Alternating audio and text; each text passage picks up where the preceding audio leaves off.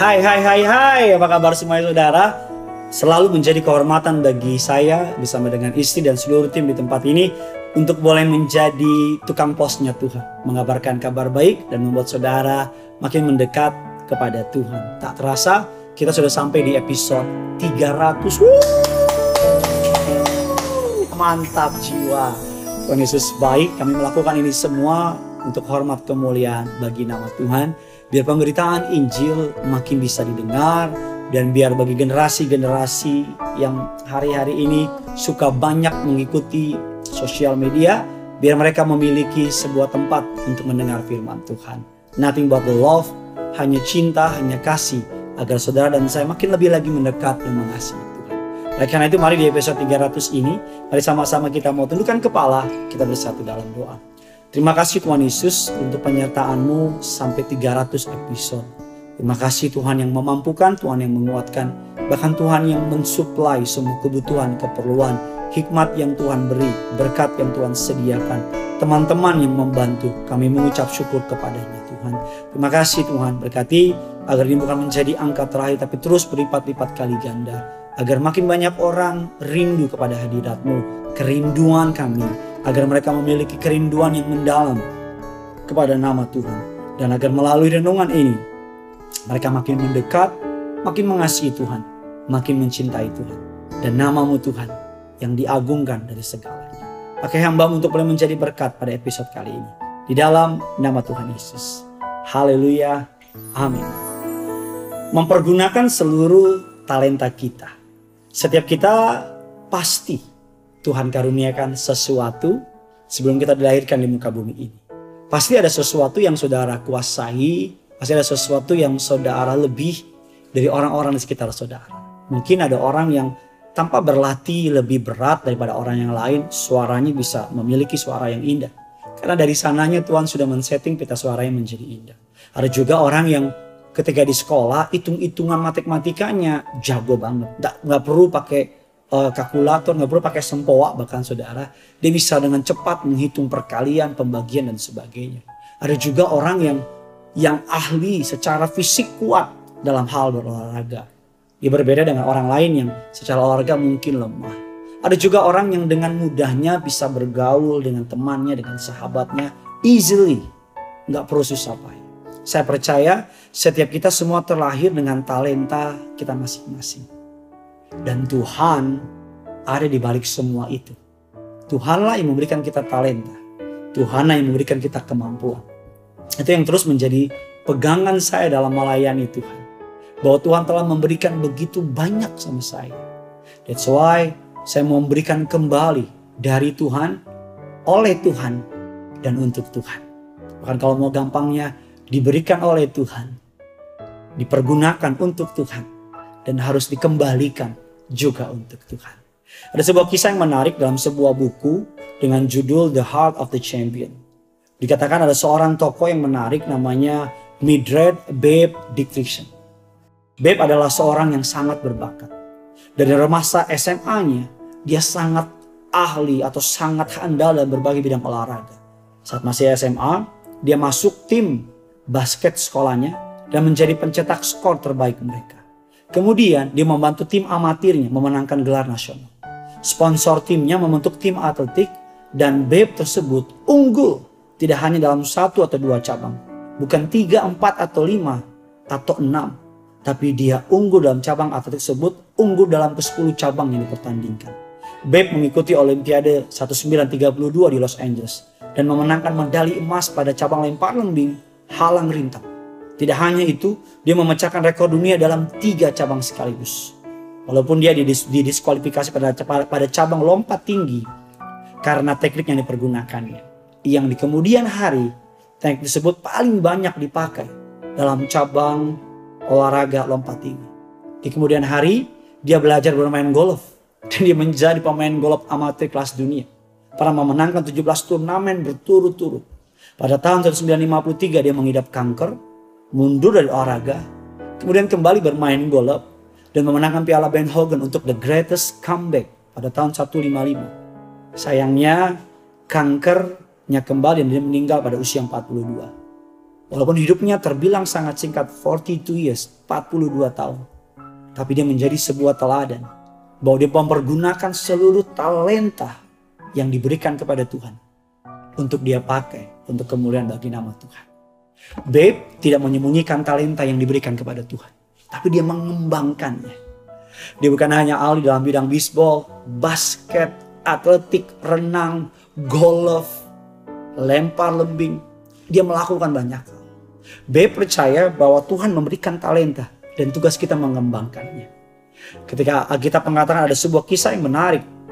Ada orang yang yang diberikan talenta. Satu, tiga, dua, lima dan seterusnya. Yesus menceritakan sebuah perumpamaan yang terkenal. Memakai sebuah istilah keuangan. Untuk mengajarkan kita bahwa yang sangat penting bagi Tuhan adalah agar kita menggunakan seluruh bakat yang telah diberikan kepada kita. Di cabang arena atletik, Babe Dick Kristen adalah wanita dengan lima talenta. Saat kita melihat hidupnya jelaslah bahwa dia mempergunakan semua talenta yang dia punya. Dia lipat gandakan dan menghasilkan laba talenta yang lain. Pertanyaannya adalah apa talenta saya? Saudara perlu mendalami apa yang menjadi bagian saudara. Saya percaya Tuhan tidak pernah menciptakan kita tanpa kekuatan. Dia pasti menciptakan kita dengan sebuah kekuatan. Bagian kita adalah mencari tahu talenta atau karunia-karunia atau kualitas-kualitas yang kita miliki lebih banyak daripada orang lain. Beberapa orang ada talentanya untuk menyemangati. Perkataannya itu selalu bisa menyemangati. Ada juga yang punya talenta karunia melayani. Bagi sebagian orang, talentanya memimpin. Sebagian orang diberi talenta lebih hebat, diberkati secara finansial. Atau ada orang punya talenta kemampuan olahragawan. Apa pun yang saudara miliki. Mari lipat gandakan apa yang saudara dan saya berikan. Bagaimana saudara dan saya dapat memakai talenta itu untuk melayani orang lain, mempermuliakan nama Tuhan. Jika saudara masih tidak tahu apa talenta saudara, mungkin langkah-langkah berikut dapat membantu saudara menemukan talenta saudara. Yang pertama adalah tanyakan kepada beberapa orang yang mengenal Anda dengan baik. Tanyakan kepada mereka. Biasanya kalau ketika saya jadi pendeta, beberapa teman saya bilang gini sama saya. Memang dari dulu tuh lo kalau ngomong depan orang tuh somehow tuh kayak gimana gitu. Kayak lo punya sesuatu yang bikin kita dengar. Dulu saya pikir kayak ah enggak, ah, enggak, enggak. Tapi ketika saya jadi pendeta, saya ngerti oh memang dari dulu tuh udah siapin itu. Tanyakan kepada orang-orang yang mengenal Anda dengan baik. Mereka pasti akan bilang kamu tuh dulu hebat di sini. Kamu tuh dulu jago di sini Oh kamu tuh dulu tuh kalau begini, begini, begini. Dan seterusnya. Yang kedua, pikirkan secara spesifik. Bagaimana Anda dapat memakai karunia tersebut. Mungkin Anda harus memulai, nggak harus dengan perkara yang besar. Tapi memulai dengan hal yang kecil. Saya percaya jika kita bertekun dan tidak pernah menyerah terus mau belajar, maka talenta kita akan semakin bertumbuh, bertumbuh, dan bertumbuh. Ada seseorang yang permainan talentanya nggak terlalu hebat main musiknya berapa kali itu mau biasa aja. Tapi beberapa waktu kemudian ketika bertemu lagi, talentanya menjadi meningkat luar biasa. Ketika saya bertanya dengan orang tersebut, kenapa bisa berubah dengan begitu banyak? Dan dia mengatakan, setiap hari saya latih. Setiap hari saya belajar. Saya bertekun. Saya berdoa agar Tuhan memakai saya. Dan Tuhan menjawab doanya. Dia melipat gandakan talenta orang tersebut. Dan sekarang kalau dia bermain musik, sangat luar biasa. Yang ketiga, apa rintangan yang dapat menghalangi Anda untuk menumbuhkan talenta yang Anda miliki? Mungkin rasa malu, mungkin tidak percaya diri, atau ragu-ragu dapat membuat saudara mundur. Buatlah sebuah strategi untuk saudara keluar dari zona nyaman Anda. Tetapkan sebuah goal, sebuah rencana untuk saudara dapat melacak pertumbuhan talenta saudara. Diskusikan dengan orang-orang yang saudara percaya punya tingkat rohani yang baik dan doakan. Saya percaya Tuhan menciptakan kita untuk melakukan perkara-perkara yang luar biasa. 1 Petrus 4 ayat yang ke-10, layanilah seorang akan yang lain sesuai dengan karunia yang telah diperoleh tiap-tiap orang sebagai pengurus yang baik dari kasih karunia Allah. Saya berdoa Agar kiranya saudara sama seperti Babe di Kristen. Menjadi orang-orang yang terus bergerak.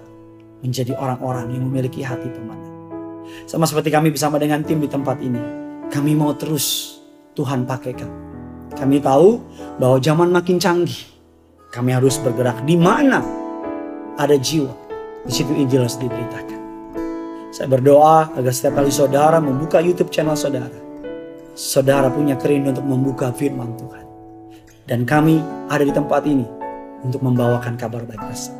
Tulis kolom komentar di bawah. Bagaimana saudara ingin talenta saudara dipakai oleh Tuhan. Dan bagaimana saudara rindu talenta sudah dilipat gandakan oleh Tuhan. Dari Tuhan, oleh Tuhan, dan untuk Tuhan. Yang punya surga, crazy love with you.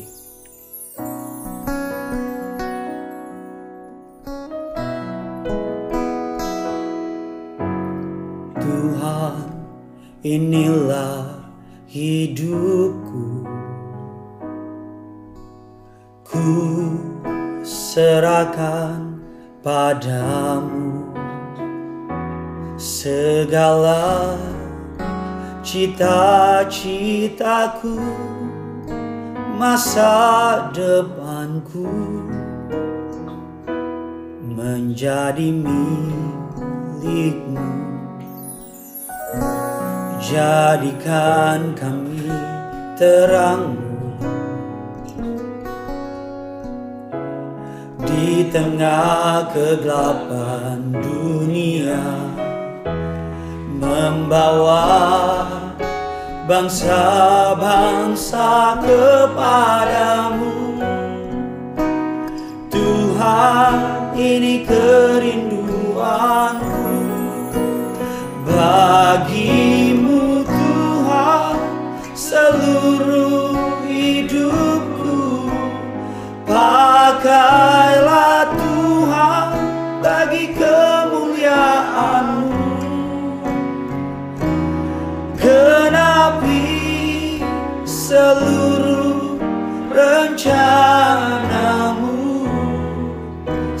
sampai bumi penuh kemuliaanmu.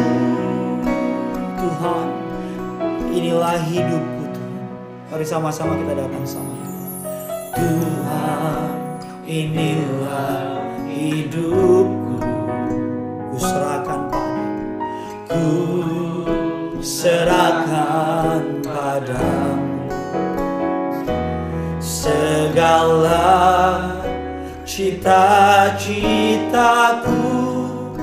masa depanku menjadi milikmu. Menjadi milikmu. Jadikan kami terang. Jadikan kami terangmu di tengah kegelapan dunia di tengah kegelapan membawa bangsa-bangsa kepadamu. Tuhan ini kerinduan bagimu Tuhan. Bagimu Tuhan seluruh hidupku.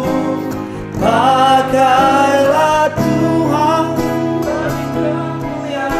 Genapi seluruh rencanamu seluruh rencanamu sampai bumi penuh kemuliaanmu